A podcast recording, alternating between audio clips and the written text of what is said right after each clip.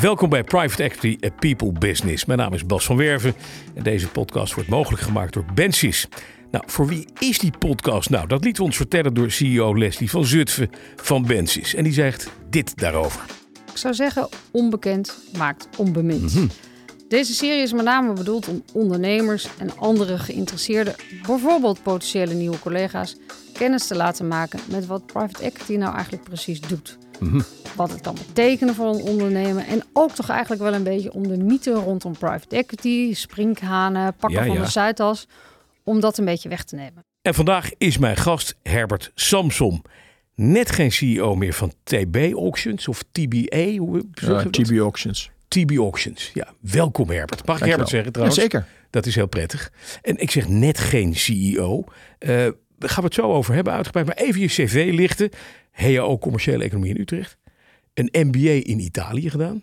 Milaan, In Milaan. Bocconi. Ja. eh eh oud reclameman. Ja, voor jaren. Jarenlang DDB geleid. Een groot Ja. kantoor volgens mij Ja. ook. Klopt. Daarna eh rubberlaarzen. Voor Vredestein heb je Ja. gemaakt. Hevea. Uiteindelijk in Portugal. Hevea. Even, ja, in Raalte en Portugal. En ook in Cork in Ierland. Cork in Ierland. In shared opgezet. Ja, Online verzekeren. de eerste simple risk digitale verzekering Ja. ter Ook iets. wereld. Ja, en dan nog iets anders. Veilingen. Online veilingen. Dat was verdwaald. Ja. Dat was verdwaald. Ja, dat was Ja. toeval. Ja, gaan we het uitgebreid over hebben. En inmiddels heb je een, een zaak gebouwd. Hè? 100 miljoen in eh, 2016 als omzet. 1,3 miljard in het, in het vorige jaar. Waar gaat het heen straks? En we moeten het uiteraard hebben over private equity. Want dat zit aan boord. Eh, Zeker.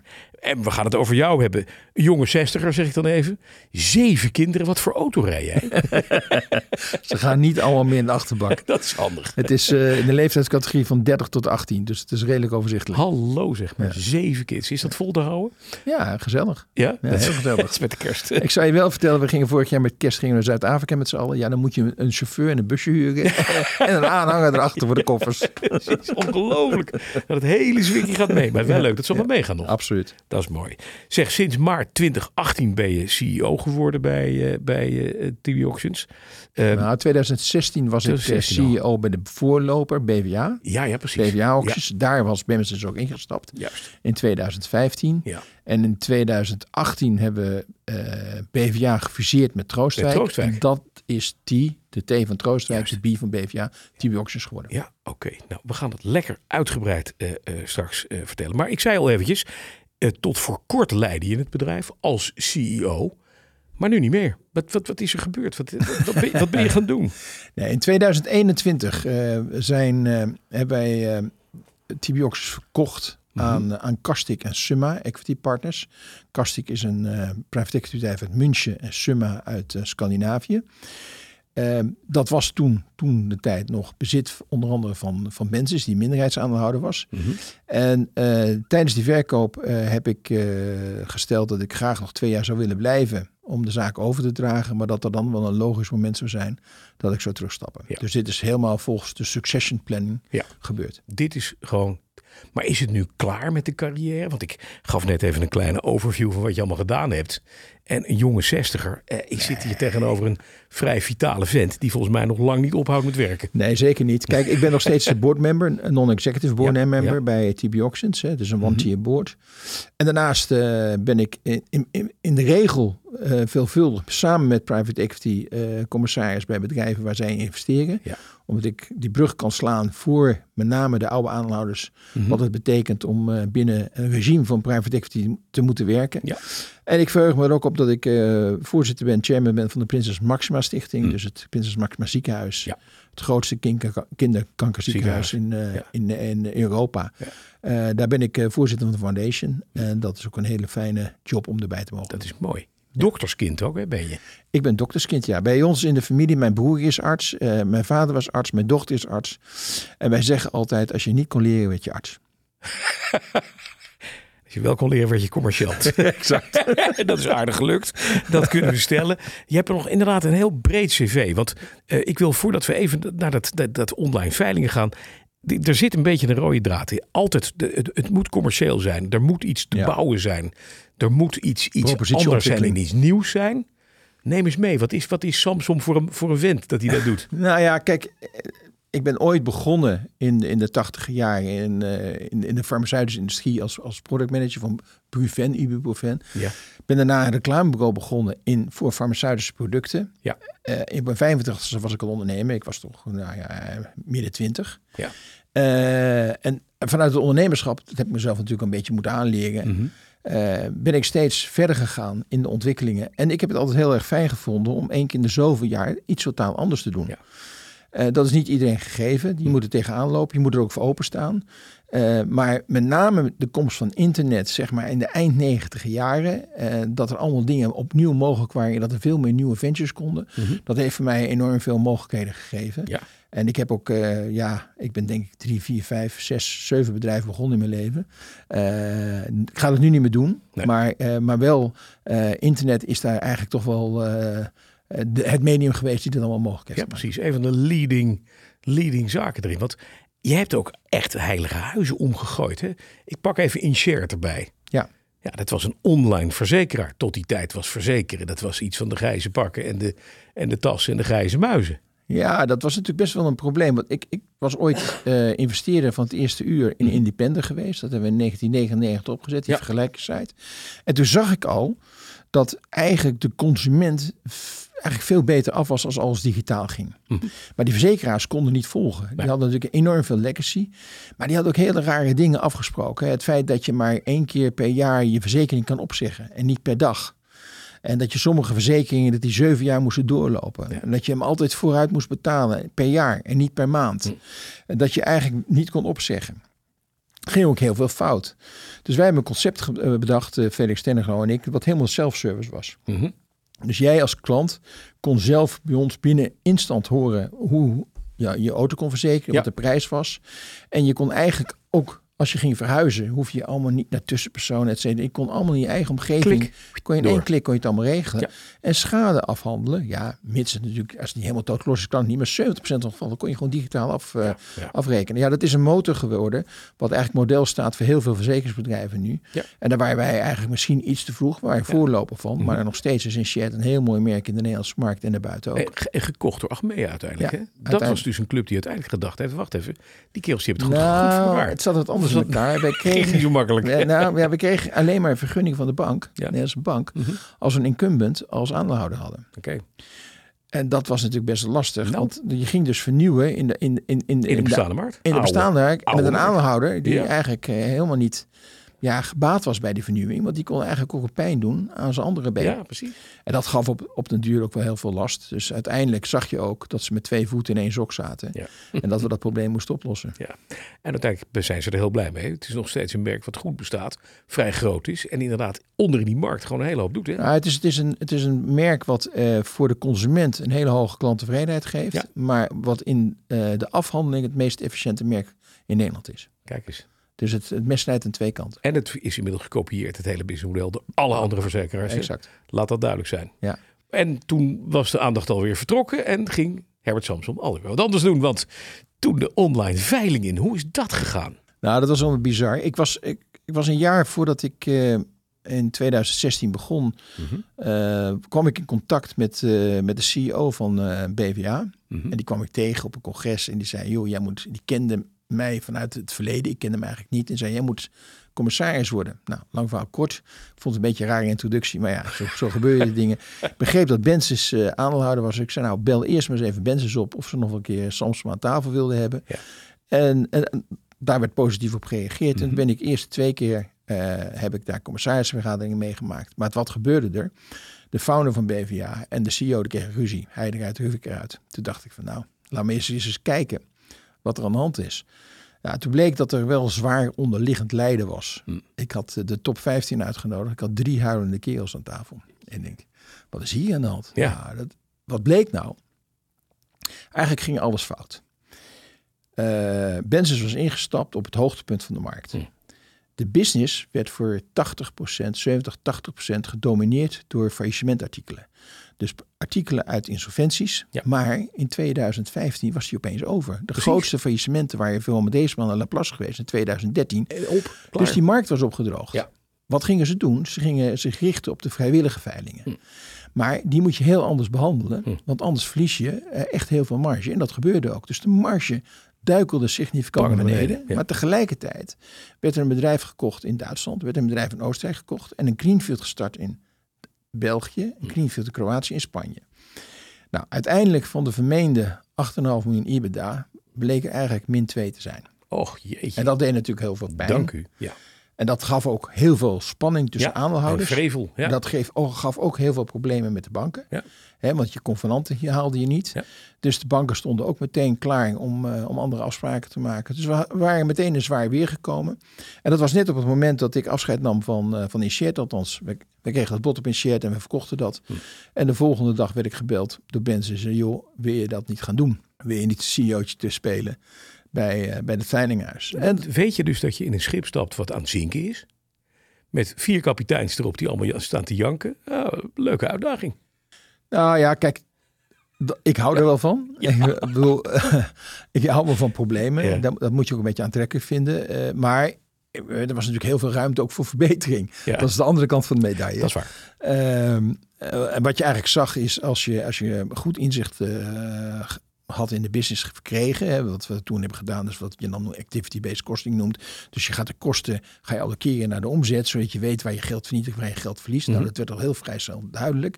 Je bracht nieuwe mensen in, nieuwe CFO, je bracht eh, snel professionaliseringen, zodat je veel beter grip kreeg over de business. Ja. Maar toen bleek wel dat er een zwaar onderliggend lijden was, om dat woord maar weer te gebruiken. En dat was het platform. Het platform was ooit gestart eh, in 2001, 2.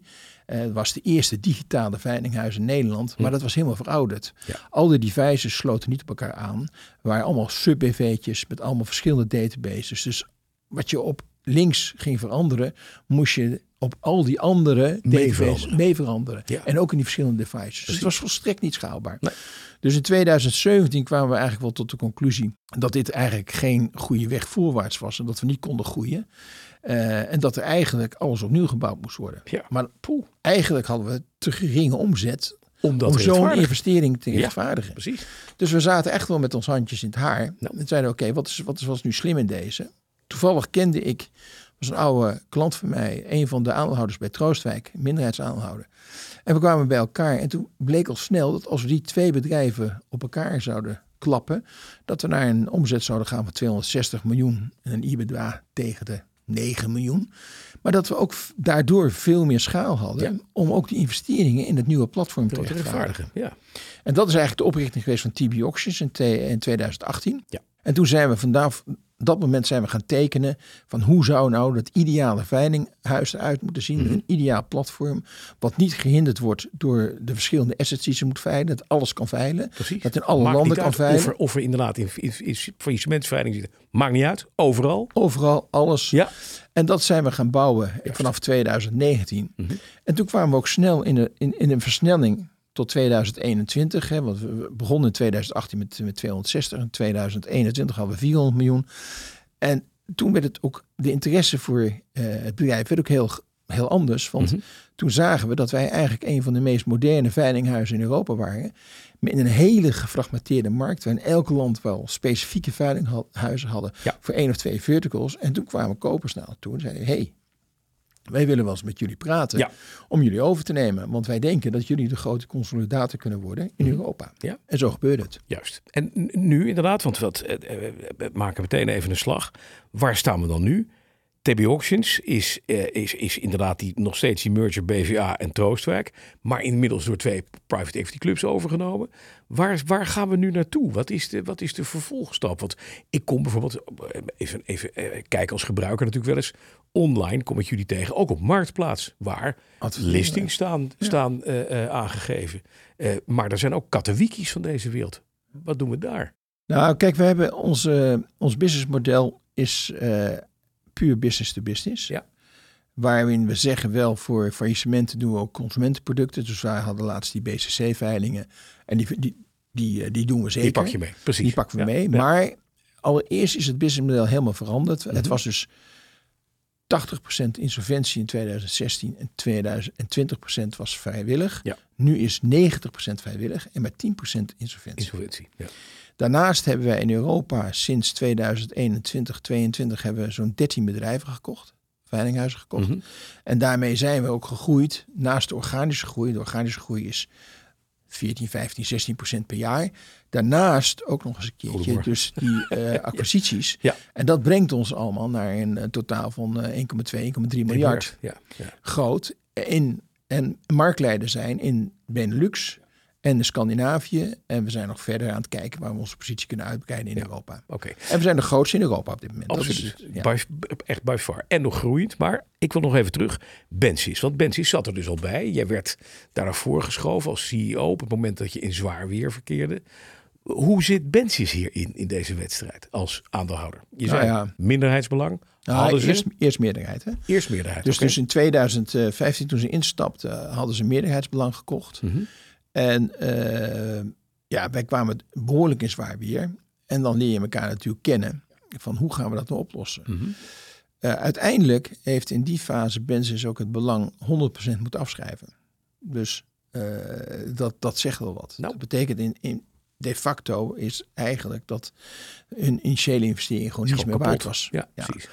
En buiten dat hebben ze eigenlijk altijd gekeken naar de business case van wat kunnen we doen om het toch te laten werken. Hm.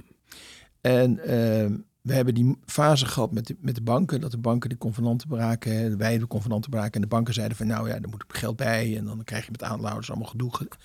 Daar zijn ze altijd heel constructief in geweest. Hm.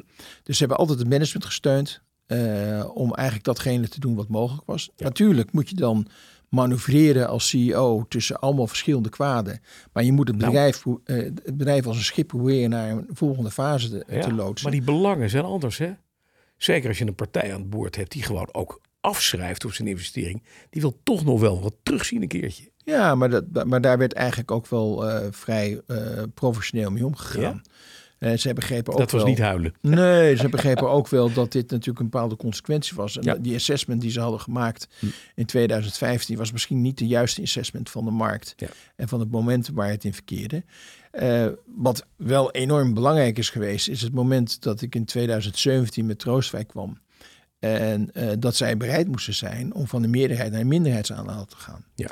En dat, dat waren ze ook. Want zij zagen ook in dat voor het bedrijf ook veel beter was om die schaalgrootte te halen. Ja. En vanuit, dat, vanuit die positie ook uiteindelijk dat platform te gaan bouwen. Ja, ja. Nou heb je, je hebt een oud compagnon, eh, je hebt hem net al eventjes eh, zijdelings genoemd, eh, met wie je eh, in Shared bijvoorbeeld gebouwd hebt. Die heeft gezegd, Herbert is een man die krijgt altijd zijn zin. Zijn verwend kind. Dat is ongelooflijk.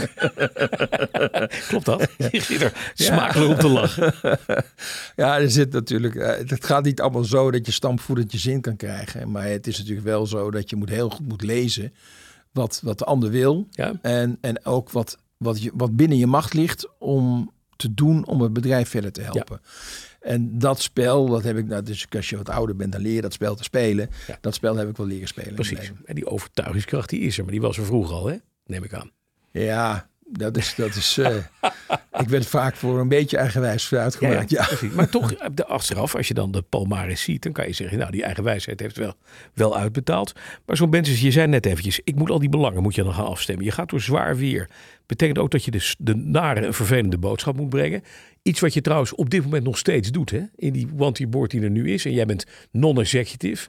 Ben je ook de man die de, die de, ja, ik zeg maar even platweg de rotzooi op tafel krijgt en het mag oplossen? ja nou ja, kijk, in, in, de rol die ik nu heb, hou ik me bezig met M&A. Dat is natuurlijk altijd leuk, hè? Ja, Dat is altijd eh, Zeker als je groeit, hè? glimmend en eh, altijd mooi en fantastisch en juichen met elkaar. Ja.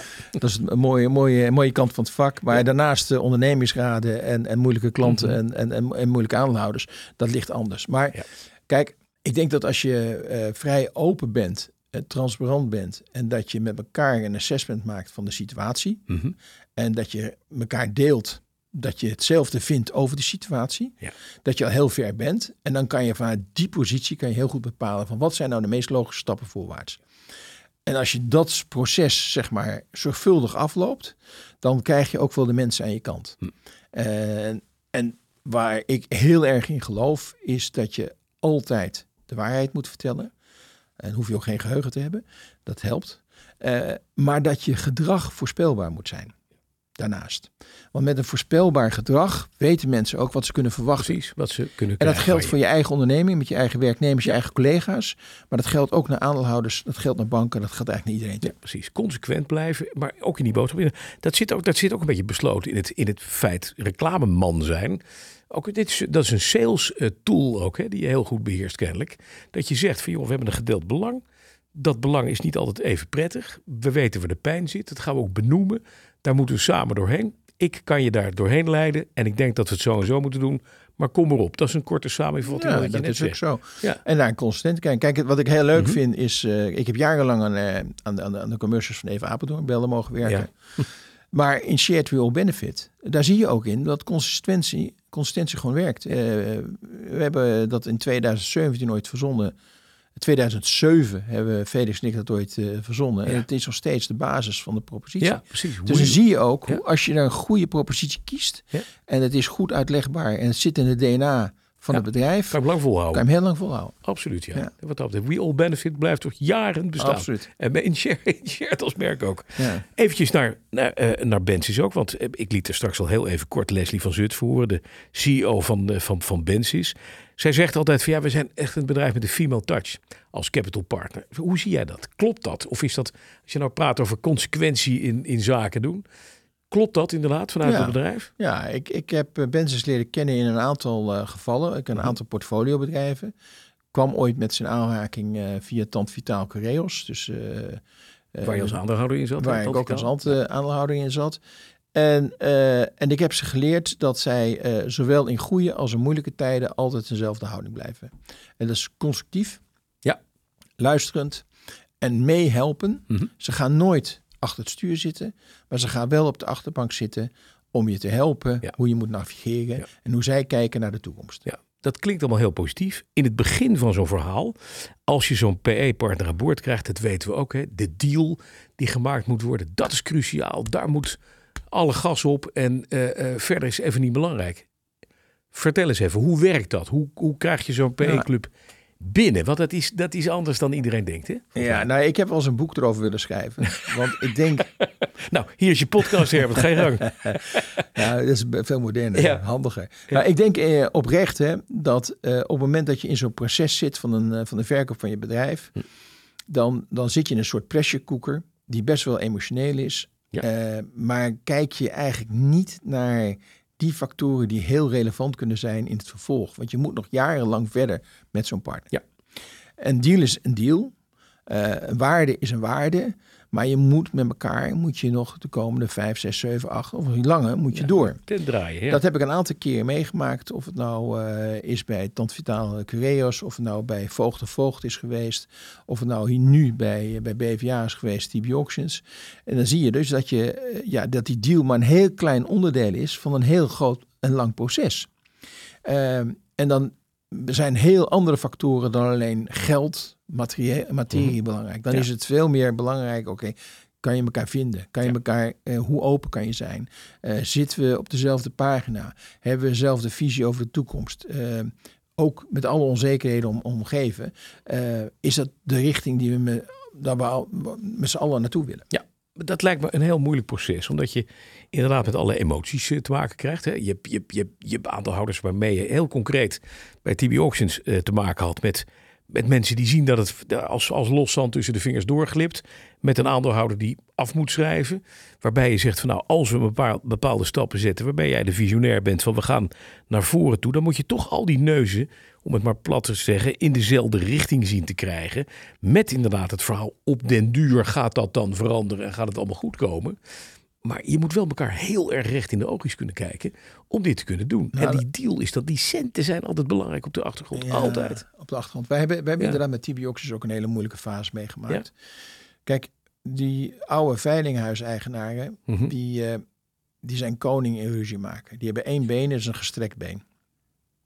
En die, uh, die konden eigenlijk uh, beter ruzie maken. Want dat zijn ze gewend vanuit de professie. Want in faillissementen moet je ruzie maken. Hè? Want je moet altijd de grens aangeven. Ja, je moet een goede deal maken. Je moet de grens aangeven. Wij hebben hele moeilijke fases daarin meegemaakt. Mm En zeker ook Benzes toen als minderheidsaandeelhouder. En we hebben daar op een op goede manier samen met de Raad van Commissarissen aandacht op proberen te geven. Want je moet wel naar al die, al die stakeholders luisteren. Maar je moet ook heel beslist zijn en zeggen: dit accepteer ik wel, dit accepteer ik niet. En dit is de manier van spelen zoals we willen. En de, dit hoort niet bij de spelregels. Hm. Ja, en, en dan, dan, dan, dan helpt het enorm als je maar uh, een aandeelhouder hebt die ook gewoon diezelfde waarde en normensysteem heeft. Ja. En dat, uh, dat, dat, is niet altijd zo. Dat is niet altijd zo. Dat, heb ik, dat geluk heb ik wel gehad met Bensis. Hm. Dat hij precies op hetzelfde waarde normen spel zat. En dat is ook eigenlijk nooit een issue geweest. Nee, nee. maar dus, ervaring met de andere, andere private equity huizen heb je ook. Ja, is wel eens anders. Hè? Ja, hè? Ja. Ik heb hele nare dingen meegemaakt in dat soort situaties ook. Ja. En, uh, en, en, dat betekent uiteindelijk dat je dan toch op de DNA van zo'n private equity huis uh, terechtkomt. Je komt op de DNA van het huis en de DNA van de partner die uh, het behandelt. Mm -hmm. wat, wat is je tip dan? Als je dat, stel je bent DGA, je wil gaan uitbreiden. Je wil kijken of je met zo'n partij aan tafel kan zitten. Je hebt alle opties, heb je keurig op tafel gezet. Je kijkt naar externe financiering. Je kijkt ook naar naar PE. Wat, is, wat is je gouden tip? Wat, wat moet je nou vooral niet doen? Nou, ik denk dat je je niet op die deal moet concentreren. Je moet je veel meer kijken, oké, ehm, welke partij eh, spreekt de taal die ik spreek? Mm begrijpt de business waar ik in zit? Kent het operating model? Kent ook, uh, helpt ook mij de grote uitdaging die ik naar voren heb om die uh, te, te realiseren. En ik zou een aantal private equity huizen selecteren die ervaring hebben in soortgelijke business cases. dus als je buy and build en je wil opschalen in een hoog tempo, ja, dan, dan, dan zijn er maar een paar private equity huizen in Nederland die je zaken kan doen. Ja, uh, en, en daar moet je op letten. En ik zou ook die oude, oude directeuren, eigenaren die verkocht hebben, zou ik gewoon bellen. Ja. En, en gewoon vragen van wat zijn nou de spanningsmomenten geweest in die relatie en waarom? Ja. Toch blijft het, hè, het psychologisch toch altijd ook het afscheid nemen of iemand binnenhalen en mee laten sturen. Het lijkt me ook niet altijd makkelijk. En jij hebt dat, dat anders meegemaakt in dit specifieke geval. Maar in andere gevallen ook wel eens dat je zegt van nou, ik sta een deel van mijn, van mijn, van mijn zeggenschap, van mijn macht, van mijn, van mijn idee wellicht af van zo'n partij. Ook dat, kan ik je recht in de ogen kijken. Dat is de titel ook van mijn boek. want daar zit het grote probleem. Ja. want eh, kijk, die directeur groot aandeelhouder die, uh, die heeft best wel wat zelfvertrouwen gekregen in de loop van de tijd. Die heeft een aantal dingen heel goed gedaan. Ja. En die was koning in zijn spel. In, met zijn spelregels, in zijn perimeter, in datgene wat hij bereikt ja. heeft. Maar zo'n private equity huis komt nooit binnen om hetzelfde te laten. Nee. Die komt binnen om eigenlijk... Verandering te brengen. Nou, groter, meer waarde te creëren. Ja, precies, ja? ja, En dat betekent, en waarde creëren betekent ook dat je uit je comfortzone komt. Dat betekent ook dat je bijvoorbeeld moet, waarin jij om eens iets onbenulligs te noemen, altijd zaken deed met de advocaat om de hoek, want het was je vriendje, moet je nu naar een van de grotere kantoren toe. Jij deed altijd dat, uh, kan, uh, had als accountant, had je een hele fijne partner van een uh, accountantskantoor die niet in de top 4 was, zat. Precies. En nu moet je naar de top 4 toe. Ja. Dus en die rekeningen, die mhm. kloppen helemaal niet met jouw beeld. Nee. Want die rekeningen zijn veel hoger. Hè? Maar dat is het spel wat je speelt als je een onderdeel van een private equity bedrijf wordt, bent geworden. Want uiteindelijk weet je dat je alles klaar moet maken voor die waardecreatie. En uiteindelijk ook weer voor een mogelijke verkoop. Ja, duidelijk. We laten even het, het private equity verhaal liggen. Want ik wil nu praten over die veilingmarkt. Hoe ziet die eruit? Want je zegt, nou, we zijn tegen de klip opgegroeid, ook in corona. De, we, we zitten nu, as we speak, december 2023, weer in een kwartaal met een milde recessie. Hoogstwaarschijnlijk. Uh, dat, dat blijft misschien wellicht eventjes zo. Hoewel de outlook voor 2024 al wat beter wordt. Maar uh, ik neem aan dat jullie, als je kijkt naar die insolventietoestand, dat je zou zeggen van nou, het maakt niet zo gek veel uit. Als er meer faillissementen komen, zijn we in business. En als we de andere kant van de business doen, pakken we ook business. Dat is lekker, we blijven altijd groeien. Hoe ziet die markt eruit? Want je zegt we consolideren nu. Organische groei is 14, 15, 16 procent. Dat is best veel hè. Als je dat tegen aannemers zegt, dan worden ze heel jaloers op je. en, uh, maar, maar hoe ziet die markt eruit? Waar ga je heen? B2B helemaal? Gaat er ooit nog eens iets van, van, van, van uh, uh, business to consumer komen? moeten de arm Sotheby's van deze wereld zich zorgen gaan maken? Nee hoor. Nee, hè? nee hoor. Nee, kijk, we hebben een aantal afslagen gemaakt in de afgelopen jaren. Ja. Ehm, allereerst hebben we dus gekozen voor die vrijwillige business. Mhm. Eh, wat enorm eh, heeft geholpen is dat we een aantal rugwinden hebben. Eh, internetpenetratie groeit alleen maar. De bereidheid om ook hoogwaardige assets te kopen via internet neemt alleen maar toe. Mhm. De circulaire economie helpt ons. Ja. De product lifecycle verlengingen helpt ons. Want men gaat steeds weer bewuster met tweede, derde, vierdehands spullen om. Ehm, vanuit de waardeperceptie is het allemaal goed. Dus, dus dat werkt heel erg positief allemaal. Daarnaast is het zo dat wij zien dat er wel een groot onderscheid bestaat tussen Noord- en Zuid-Europa. Eh, wij zijn marktleider in Scandinavië. In Scandinavië is de digitalisering vrij snel Ja. doorgedrongen. Afstanden zijn groot en de bereidheid zeg maar, om via afstand, op afstand zeg maar, te kopen en te verkopen is enorm toegenomen. Mhm. Dat zien we ook in Benelux. Daar is het vertrouwen in dit soort systemen veel groter dan in Zuid-Europa. Zuid-Europa zijn nog echt ontwikkelingsmarkten. Dus de gemiddelde veilingpenetratie in Europa is zo'n 3-4 procent. Mhm. Waar Scandinavië in sommige landen het zelfs 6, 7 procent Ja, is. precies. En in Duitsland bijvoorbeeld maar 1 procent, onder de 1 procent. Ja, nou, daar liggen kansen. Ja, maar de Duitsers hebben een, een ander issue. En dat is de attitude ten opzichte van veilingen. Aha. Zij denken dat veilingen alleen maar gerelateerd worden met faillissementen. En die begrijpen nog niet dat het een alternatief distributiekanaal Ja, is. precies. Wel Gewoon En daar, kom ik, toe. Ja. en daar kom ik eigenlijk op de essentie van onze groei. Mhm. Wat wij hebben gezien is dat heel veel mensen, eh, sellers, traders, dealers, maar ook eh, midden- en kleinbedrijf, die zien een veiling als een middel om vrij snel, en dat kunnen we tegenwoordig binnen een week, anderhalve week, kunnen Mhm. wij van een tractor kunnen we cash maken. Ja. Dus wij zagen bijvoorbeeld in de afgelopen jaren zagen we een enorme boom in twee eh, artikelen. Eh, de ene was tractoren en de andere waren generatoren. En dan zijn we eens nader gaan onderzoeken van hoe komt dat nou? Ja. nou het verhaal van die generatoren, die gingen door, de, door het dak heen. Dat is heel simpel. Dat had alles te maken met de oorlog in Oekraïne. ja, precies. Want was Energieprijzen hoog. Want die hadden natuurlijk daar Ja, generatoren nodig. generatoren Ja, nodig. precies. Maar tractoren zagen we iets anders. We Mhm. zagen dat met name in de Benelux dat er heel veel tractoren verkocht worden. Eigenlijk naar landen, zeg maar 1000, 1500 kilometer hier vandaan.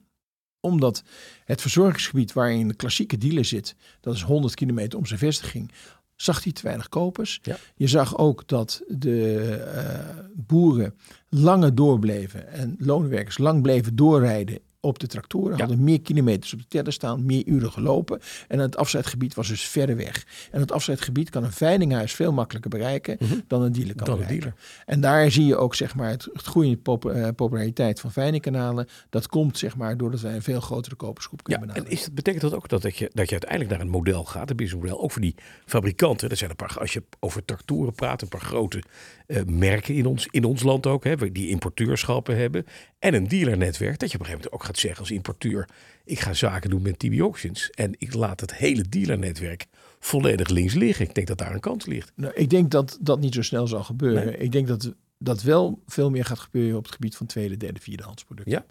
Ik denk nieuw, daar zal zeg maar Dat blijft wel. die fabrikant en ook zijn importeur en ook zijn dealers Mhm. zo nodig hebben. Ik denk dat zowel de importeur als de dealers steeds meer veilinghuizen nodig hebben om die assets op, tegen de juiste waarde te verkopen in die delen van de wereld Waar ze, Waar ze- niet zitten. Ja. niet zitten. Maar die tweede, derde, want dat is wel leuk. Hè? Ik, ik praat ook altijd over, als je praat over ESG-doelen, duurzaamheid, heel belangrijk voor ondernemingen tegenwoordig. Jullie zijn, dat zeg je al even, de waardecreatie zit er ook in. Dat je, die, dat je een nieuw leven geeft, een nieuw lease of life aan een product wat elders al gebruikt is. En wat je weer het kanaal in krijgt. Hartstikke mooi verhaal lijkt. Ons credo is ook niets van waarde mag verloren gaan.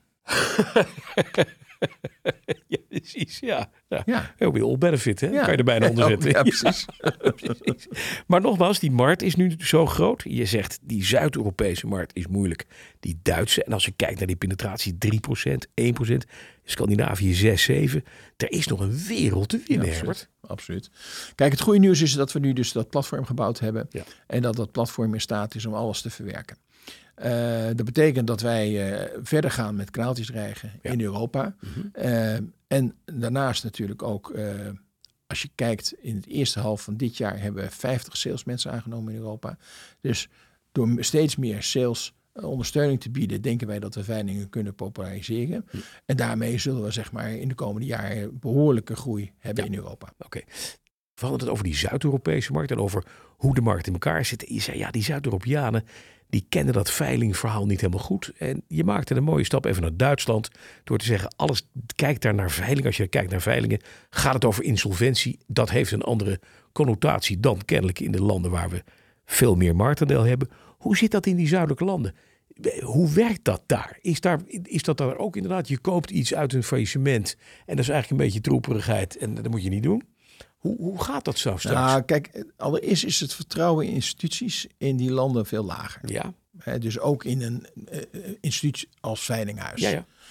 Daar begint het mee. Het tweede wat je ziet is, ehm, als een bedrijf in Italië failliet gaat, eh, Italië ken ik wat goed omdat ik er zelf ook gewoond heb, ehm, dan, dan zie je dat eigenlijk ehm, de financieringsvorm is niet gerelateerd aan de, aan de assets, Mhm. wel aan het onroerend goed. Oké. Dus als er een faillissement optreedt daar, dan zie je dat het eh onroerend goed leidend is wat ermee gebeurt. Mhm. En dan zijn de machines en de, en de, en de parken Dat is erbij bijzaak. is allemaal bijzaak. Ja. En dan komt eigenlijk altijd iemand binnen om het onroerend goed op te lossen. Ja, Eh, dus het verschijnsel dat je ook zeg maar, heel goed tweedehands en derdehands machines eh, via veilingen kan verkopen, is daar nog niet doordrongen. Nee. We zijn ermee bezig, we zijn bezig om wat acquisitiestruik te bekijken. En dat zal komen, maar dat heeft gewoon 4, 5, 6, 7, 8 jaar tijd ja, nodig. het is ook voor gedrag aanpassen inderdaad van de kopers, van het koperspubliek. Ja. Hoe, hoe ga je dat doen? Want ik zei al eventjes, eh, als ik kijk, ik ben autogek, hè, dat weet je. eh, eh, en dan kijk ik op, op Marktplaats naar autootjes en dan zie ik hele lage prijzen voor hele mooie dingen die ik graag wil hebben. Dan denk ik, oh ja, daar zit weer een, daar zit het veilinghuis ertussen. Dus dat ding gaat nooit, nooit kosten waarvan ik denk dat die kosten gaat. Maar dat soort platforms in, in de rest van Europa. Het gaat ook om het opvoeden van je, van je, van je klant, hè, business-wise. Ja. Nou, we zijn dus een twee, tweezijdig platform. Dat betekent dat als je te veel sellers hebt en je hebt geen bidders, heb je, Dan heb je niks, heb je geen Heb je handel. niks. Nee. Eh, dus je moet eigenlijk dat eh, hand in hand laten, eh, Ja. laten groeien in de loop van de tijd. En het is een soort vliegwiel. Hè, want hoe meer sellers je krijgt, hoe meer bieders, Bieders je je krijgt. krijgt, ja. Hoe meer bieders je krijgt, hoe meer sellers je krijgt. Ja. En daardoor gaat dat vliegwiel, Draaien. zoals Ja, Amazon precies. ook zo'n vliegwiel Ja. heeft, Ja. Gaat, het, gaat dat draaien. Ja. Dus als, op het moment dat wij nieuwe gebieden on- eh, ontwikkelen, dan eh, zijn we er eigenlijk heel op, erg op gespind om die biddenbases, zoals wij dat noemen, Mhm. om die ook te laten groeien. Ja. Want het heeft helemaal geen zin. Ja, kijk, in Nederland verkopen wij 75% van alle assets die in Nederland geveild worden, gaan naar het buitenland. Dat is heel uitzonderlijk. Hey. Maar dat klopt ook omdat Nederland zo klein is. Ja. Zoals Lund Dat- zei, Nederland heeft veel buitenland. ja, dat is waar. Dat ligt wat anders in landen als Italië of Spanje. Daar moet je zorgen dat 75% zijn weg vindt met goede prijzen in, het land zelf. Ja. Dus dan moet je die binnenbases opbouwen. ja, precies. En dat is lastig, lijkt Dat is lastig. Ja, Kost geld maar het lukt en wel. tijd. Dus moet je daar verkopers voor in, inzetten.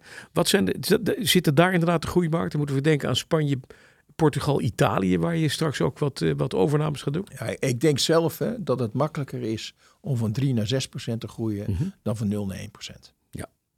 Eh, het is makkelijker om iemand die al een keer een McRocket heeft verkocht, een tweede te verkopen. Ja, dan dat je Dan zegt de van, eerste. daar bestaat Dan een de McRocket. Ja, precies. Dus, dus Ja. wat dat betreft kunnen wij ons, als we echt willen groeien, Mhm. en snel willen groeien, moet je op de, op de grotere landen eh, concentreren waar je al een goede voethold hebt. En je moet wel realiseren dat je die andere landen er mee moet nemen. Maar dan moet je niet je groei van verwachten. Amerika. Ja, daar kijken we naar. Ja, gigantisch land. Is gewend aan afstanden. Is gewend aan veilingen. Er zijn heel veel veilinghuizen. Ja. Allemaal kleintjes. Online nog niet heel erg. Helemaal niet, nee. Nee, grappig. Ehm, wat, wat het grote verschil is... Kijk, wij hebben een beslissing genomen in 2018... dat wij nooit zullen kopen. Hm. Dus wij kopen nooit een asset.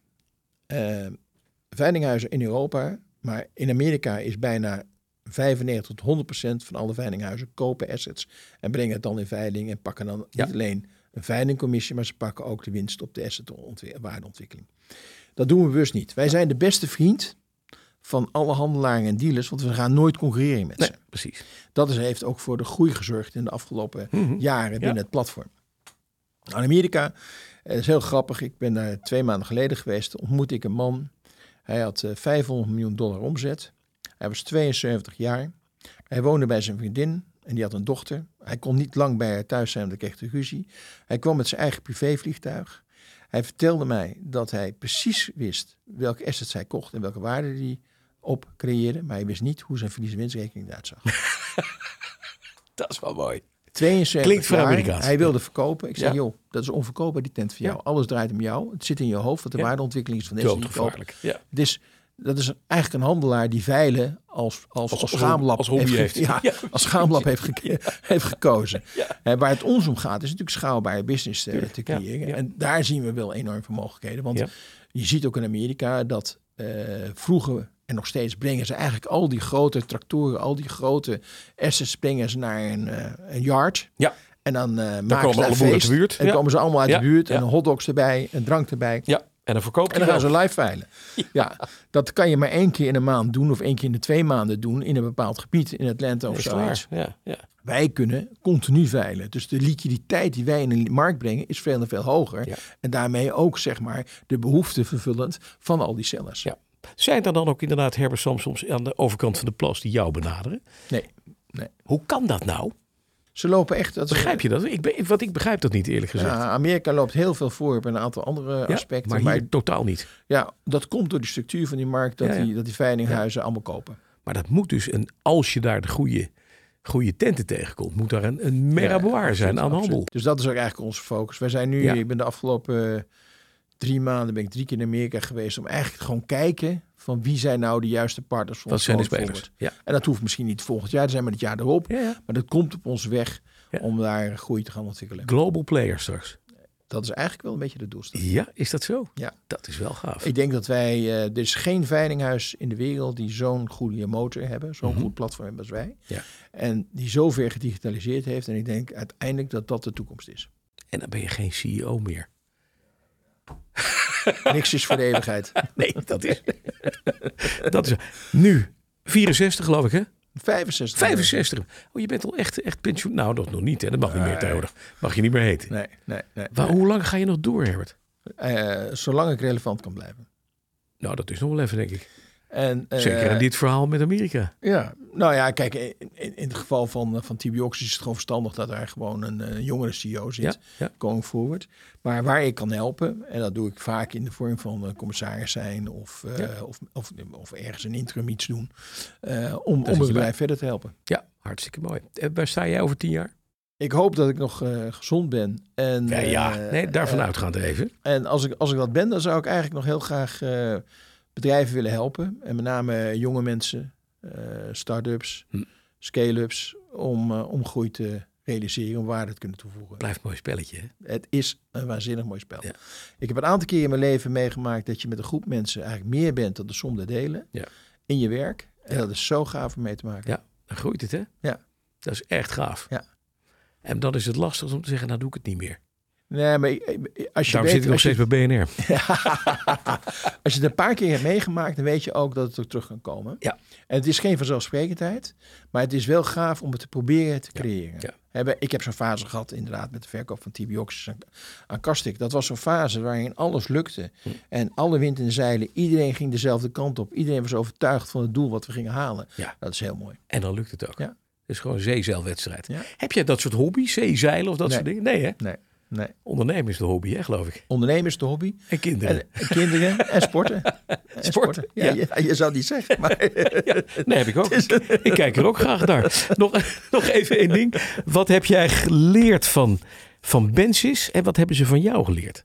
Ik denk dat ik heb van Benzes geleerd ehm, dat het verstandig is om terughoudend te zijn en geduld te hebben. En eh, ook beseffen dat het niet altijd zo is wat het lijkt te zijn. En dat je daar ook mee leert omgaan. Eh, wat zou Benzes van mij geleerd hebben is denk ik dat, en dat is ook wel eens uitgesproken door Erik Joost Ernst bijvoorbeeld, is eh, met name hoe je met je team, hoe je een team bouwt.